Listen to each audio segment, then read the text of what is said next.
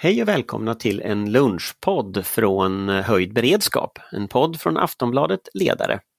Och idag kommenterar vi Peter Hultqvists och Ulf Kristerssons inledning av rikskonferensen Folk och Försvar som pågår just nu i cyberrymden. Vad fick vi för besked och vad borde politikerna göra nu? Vår beredskap är god.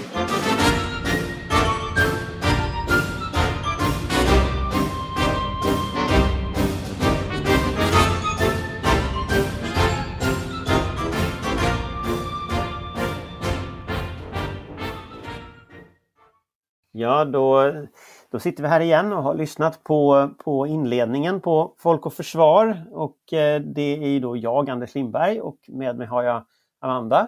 Amanda Wollstad, Svensk Tidskrift på plats nere från Malmö. Och Patrik. Och Sannen, Senior Fellow Tankesmedjan Frivärd. Och vi har då fått lyssna nu till, till Peter Hultqvist som har hållit inledningsanförande på Folk och Försvar. Och det gör ju att han kommer att hålla två anföranden, dels inledningsanförandet och sen Eh, så här försvarsministeranförandet i eftermiddag.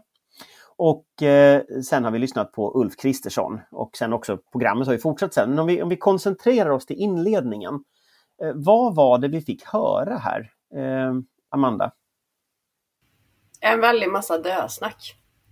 Um, ehm, generellt så, jag, jag måste säga att jag är besviken. Det känns som vi har tagit ett långt steg tillbaka eh, jämfört med nu, hur nivån har varit på, på Folk och Försvar de senaste åren när insikten om, om lägets allvar eh, ändå har höjts för varje år. Nu känns det som vi har gått ett antal år tillbaks i utvecklingen.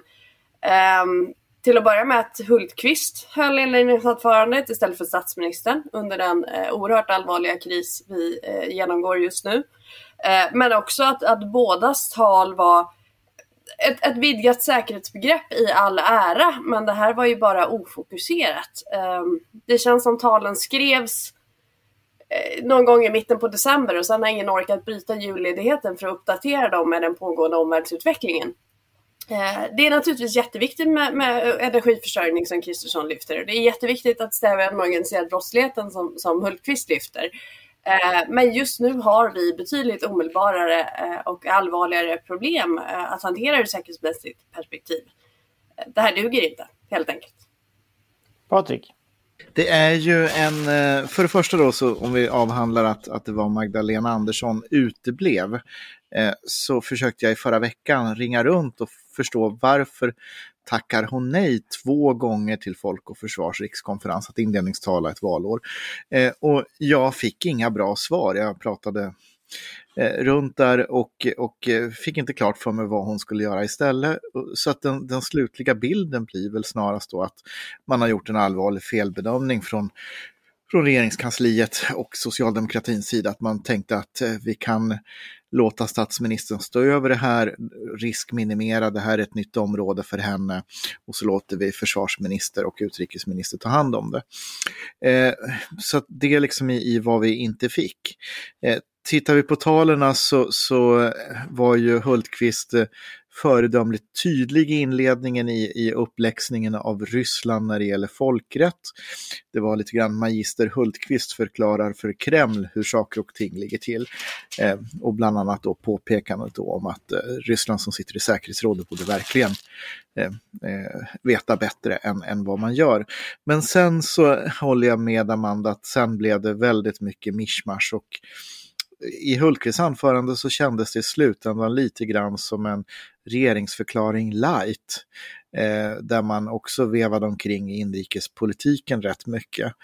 Eh, och eh, Kristerssons anförande innehåller också de inrikespolitiska eh, fördjupningarna. Det är mycket snack om, om energi utifrån ett inrikespolitiskt perspektiv.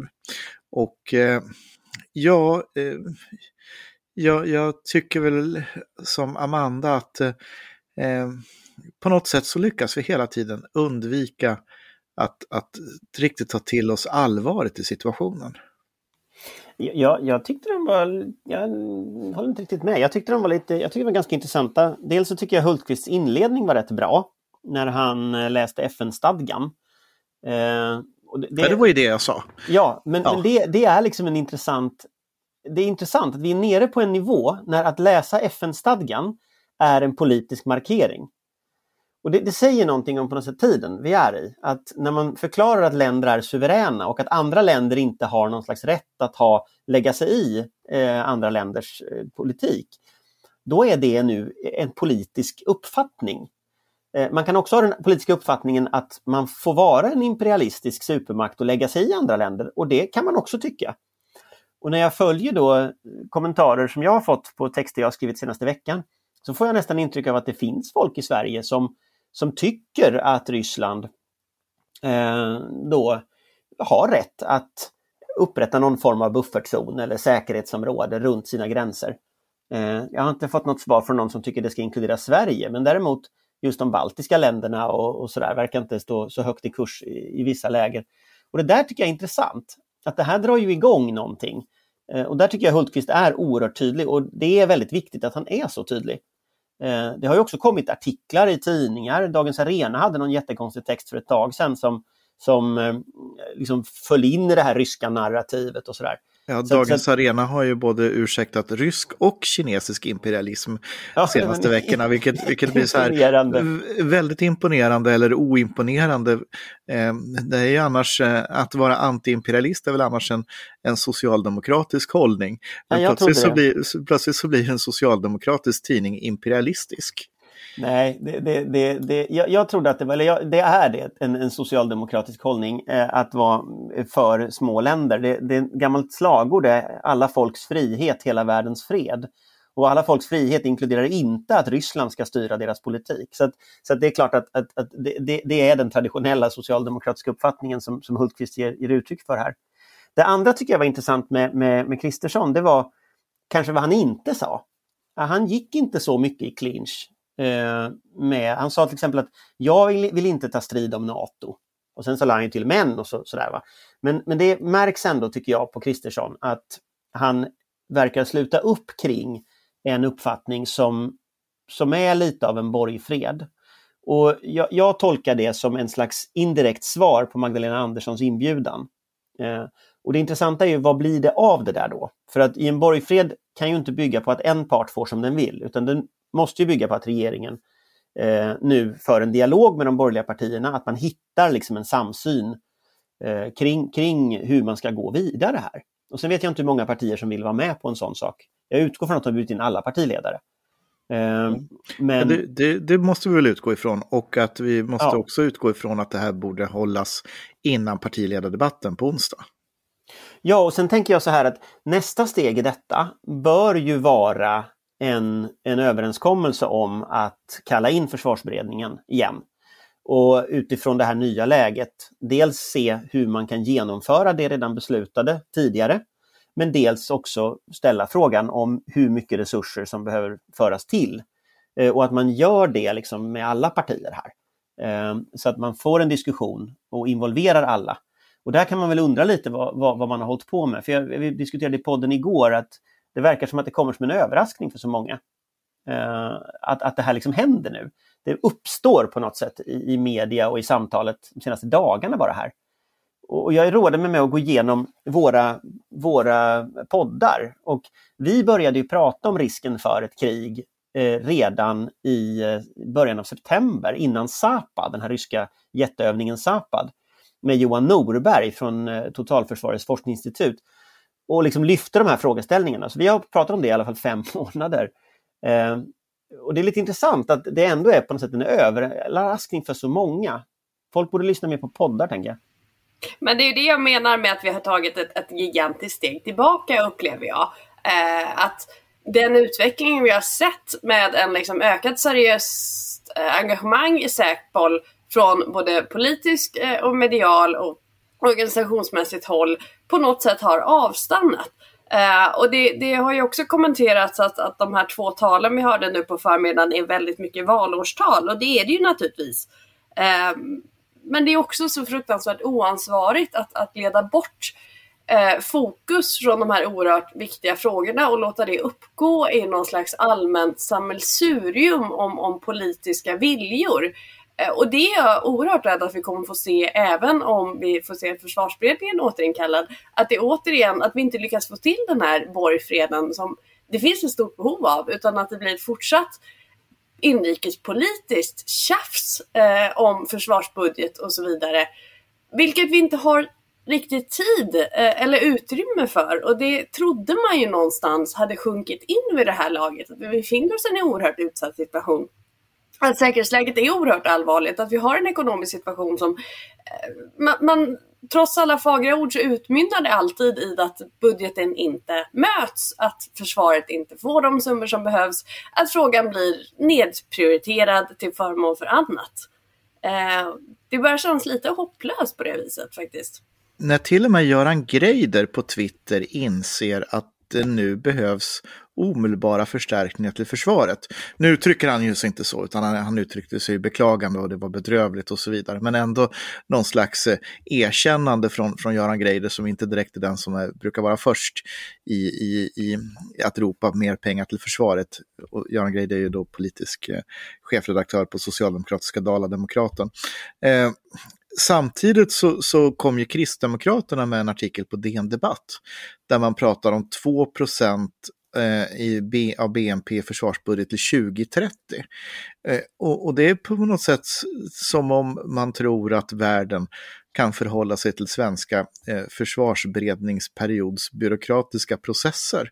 Jag blir väldigt förvånad över att Kristdemokraterna kommer med det utspelet nu, för det är ju gammal skåpmat som är ihopskriven liksom Eh, ja, det är ju sen gammalt eh, så har ju de borgerliga partierna sagt 2030. Först så sa de ju 2028 i valet eh, 2018 och sen är det förskjutet till 2030. Men ingen, ingen resonansbotten på, på vad som har hänt från 17 december och framåt. Och den här kognitiva blockeringen förvånar mig.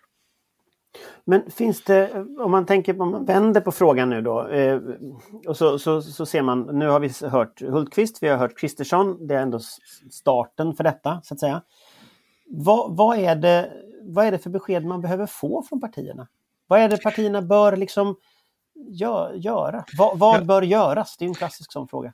Ja, men alltså det jag förväntar mig är ju partiledaröverläggningar imorgon senast Eh, besked under partiledardebatten eh, om eh, hur partiledarsamtalen har gått och, och dess former framåt.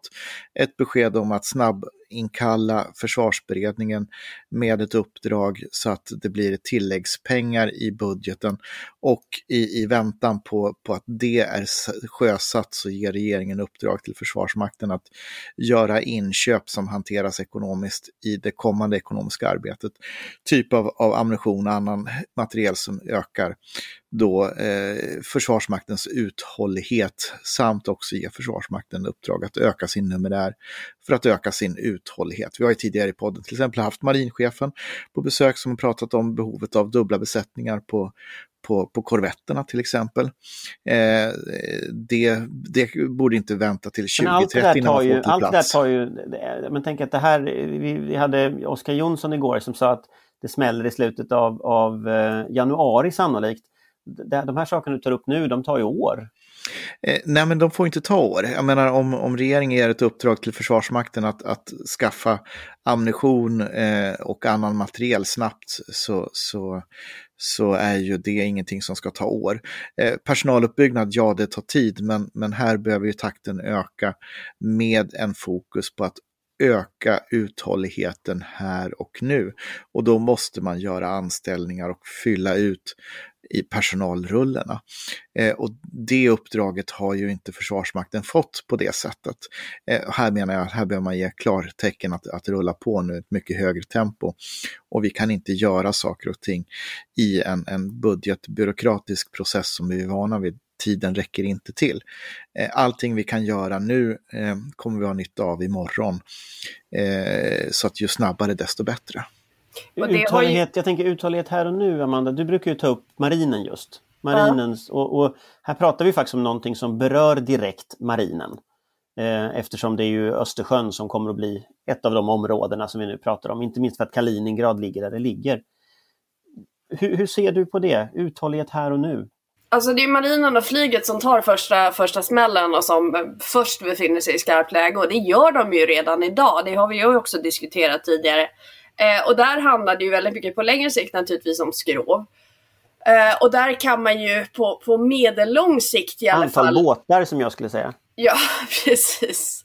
Eh, där kan man ju på medellång sikt i alla fall se över om det går att eh, modifiera, återta eh, gamla fartyg som idag ligger i malpåse och ta dem i bruk. Därför att nybeställningar är ju Eh, ett väldigt långsiktigt projekt. Men framför allt, och det här tjatar jag alltid om känns det som, men det verkar inte riktigt gå igenom hos våra styrande, personal.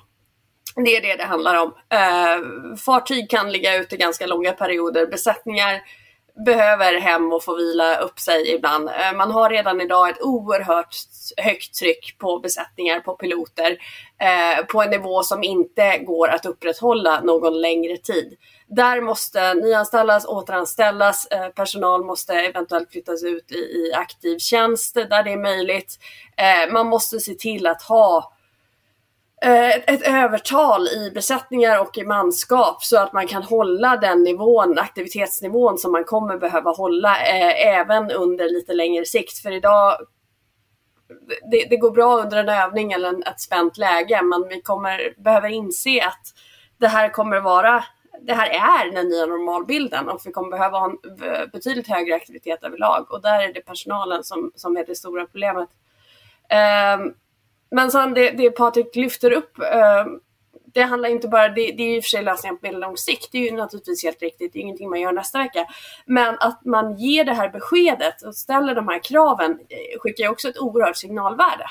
Och det är väl kanske det man kan göra på korta sikt och där jag är mest besviken på partierna, att man inte har varit Hultqvist var tydlig i inledningen. Ja visst, men Hultqvist står på en folk och försvarskonferens. Var är statsministern? Varför har vi inget uttalande därifrån? Varför har vi inga tydliga liksom, markeringar i Sveriges ståndpunkt? Och då menar jag inte ett pressmeddelande upplagt på regeringens hemsida, för det duger inte i det här läget. Um, det här är ju riktat även mot Sverige och mot Finland, eh, mot vår självbestämmande rätt. Man försöker inskränka den. Och NATO är ju på ett sätt en känslig fråga i den här podden. Men huruvida vi ska gå med eller inte är ju vårt beslut. Och där hade jag önskat en, en ökad tydlighet, inte minst av regeringen. Eh, att även om man inte önskar ett NATO-medlemskap så är det Sveriges beslut att ta. Eh, där man hade kunnat bety markera betydligt tydligare mot de här eh, propåerna från Ryssland. Men när beröringsskräcken med en medlemskapsdiskussion går så långt att man låter den liksom segla under radarn, det tycker jag är oerhört allvarligt. För det handlar ju faktiskt om, om vår möjlighet att själva bestämma vår, vår utrikespolitik och våra samarbetspartners. Samtidigt så säger ju regeringen att man ska fördjupa, eh, fördjupa samarbetet med NATO. Eh, och jag tror att den politiska signalen i att man säger det nu, nu, var, nu är, om man ska vara lite petig, så det där var ju inga nyheter. Det där är ju redan beslut, beslutade saker. Men, men däremot så är det ju så att signalen i att Sveriges svar på Rysslands eh, eh, kravlista då, eller ultimatum är att vi ska fördjupa samarbetet med NATO. Det går ju på tvärs mot vad Ryssland säger. Så att det finns ju, tror jag, ett ganska starkt signalvärde i det. Och, och där undrar jag också, fundera lite på, Patrik, du har skrivit mycket om Finland. Finns det mer saker vi kan göra i relation till Finland som ger signalvärdet att vi samarbetar just nu som du ser eller skulle önska dig av regeringen? Nej, men jag ser det och jag efterlyser det till exempel, har jag gjort ganska länge, att vi borde ha eh, återkommande regeringssammanträden Sverige-Finland. Och att meddela att vi håller ett gemensamt regeringssammanträde Sverige-Finland i närtid. Det är ju en sån signal som visar att vi är väl synkade och väl väl, eh, väl sammansatta. Eh, så det är en sån konkret sak som jag skulle önska. Sen är ju den andra biten handlar om, om, om att gå i takt med varandra och där ligger ju Finland på 2% av BNP i försvarsutgifter nu. Eh, det gör inte Sverige ehm, eh, och vill man gå med i NATO så är ju 2% en målsättning till 2024. Ehm, vill man inte gå med i NATO i det här läget då bör man nog fundera på att ligga betydligt högre än 2 eh, av BNP i det här läget. Och där någonstans så skulle jag också önska en, en, en, större handling så att säga. Och det är också en signal eh, att vi tar det här på allvar. Om man antar att försvarsberedningen kallas in, Eh, nu har man ju gjort en analys nyligen. Det säkerhetspolitiska läget redan då var väldigt mörkt. Det ska vi inte eh, glömma att i, i, i försvarsberedningens analys så pekar man ju just på Ryssland som oerhört destabiliserande för säkerheten i Europa. Även om man inte hade sett de här tydliga kraven på en ny europeisk säkerhetsordning så finns ju på något sätt ändå eh, kartan på plats. Vad är det specifikt en ny försvarsberedning skulle behöva titta på? Nej, men den försvarsberedning behöver titta på eh, är ju vad kan man göra här och nu snabbt ehm, eh, och hur kan vi öka takten på det som är planerat? Hur ökar vi, vi vår försvarsförmåga Eh, och hur ökar vi också samhällets totalförsvarsförmåga? Det är ju inte minst det civila försvaret som måste också gå mycket, mycket snabbare framåt än vad det gör just nu. Så att eh, egentligen är väl budskapet att försvarsberedningen, den blixtåterinkallade, handlar om hur, hur springer vi snabbare och dessutom då eh, vågar utmana sätten när vi gör saker och ting på. Eh, med insikten att nej, men att växa snabbt i oros och kristid, det har vi bara gjort en gång tidigare. Det gjorde vi 1939. Det var ingen rolig upplevelse, men, men eh, vi kan inte hantera våra processer på samma sätt som vi gjorde när vi skar ner försvaret. Eh, den insikten måste finnas också. Amanda? Nej, men det är väl just det. Va, vad gör vi här och nu? Vad kan vi Eh, och det får man göra i nära samarbete med Försvarsmakten. Vi har ju skojat om det tidigare, det här att göra en bedenare, att förbandssätta system som har legat i malpåse och så. Och det är ju det vi får göra nu på kort sikt. Men också insikten att vi måste göra, vi måste jobba på alla nivåer samtidigt. Vi måste lösa uthålligheten här och nu eh, och det, det får vi då göra genom att lappa och laga och försöka återanställa och försöka behålla och eh, ta åter, återta materiel och, och skrov och så vidare som har legat i malpåse i den eh, utsträckning det går. Eh, men inte låta det och det kan ju bli en, en till del kostsam process. Det är ju ingenting man gör gratis, men, men, det innebär inte att vi kan spara ner på de mer långsiktiga projekten. Vi behöver ju fortfarande de här större materialinköpen. Vi behöver fortfarande en plan för hur vi, hur vi personalförsörjer Försvarsmakten eh, på sikt. Eh, så det viktigaste är väl just insikten att vi måste jobba, vi måste göra allting samtidigt just nu. Eh, med framförallt fokus på vad gör vi här och nu för att förbättra vår förmåga och vår uthållighet så snart som bara är möjligt. Och då pratar vi veckor och månader och inte år och decennium. Mm. I eftermiddag kommer vi ju eh, att få lyssna bland annat till Peter Hultqvist efter lunchen här som kommer. Och eh, vi kommer återkomma med fler poddar och kommentarer till det som sägs på Folk och Försvar. Men eh, ja, hej från, från oss på en stund i alla fall. Hej hej! Hej! Vår beredskap är god. Du har lyssnat på en podcast från Aftonbladet. Ansvarig utgivare är Lena K Samuelsson.